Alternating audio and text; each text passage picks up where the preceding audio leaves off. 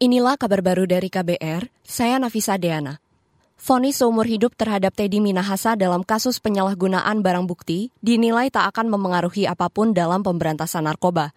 Penilaian ini disampaikan pengamat kepolisian dari ISIS Bambang Rukminto. Menurutnya kasus peredaran narkoba yang berasal dari penyalahgunaan barang bukti masih akan terjadi jika pengawasannya longgar.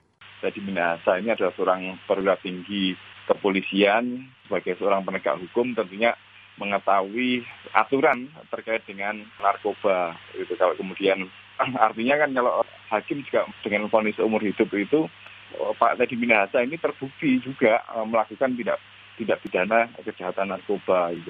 Harusnya dengan bukti-bukti yang ada hukumannya memang harus uh, lebih berat dari masyarakat umum biasa gitu loh. Tapi faktanya kan uh, hakim mempertimbangkan hal-hal yang lain sehingga menjatuhkan hukuman yang tidak sesuai dengan tuntutan jaksa seperti itu.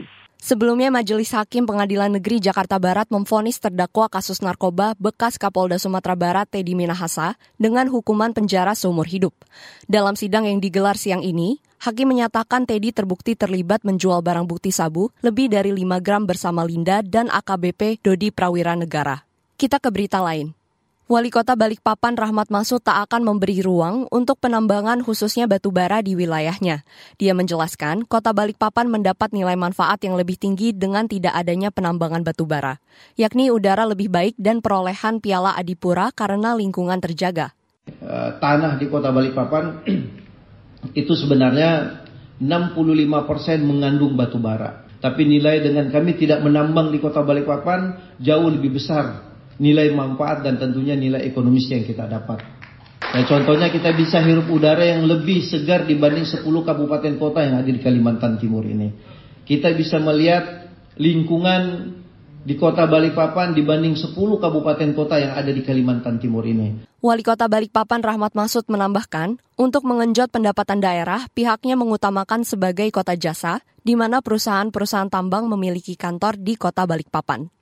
Kita ke berita internasional. Menteri Keuangan Amerika Serikat Janet Yellen memperingatkan risiko kekacauan yang mungkin terjadi jika plafon utang AS tak dinaikkan. Ia mengungkap tanpa kesepakatan kenaikan pinjaman, bakal ada kemungkinan pemerintah federal Amerika Serikat tidak dapat membayar upah, kesejahteraan, dan pembayaran lain. Menurutnya akan ada bencana ekonomi dan keuangan buat negeri Paman Sam. Namun kesepakatan terkait penaikan plafon utang belum terbentuk hingga saat ini, padahal tidak banyak waktu yang tersisa. Demikian kabar baru dari KBR, saya Nafisa Deana.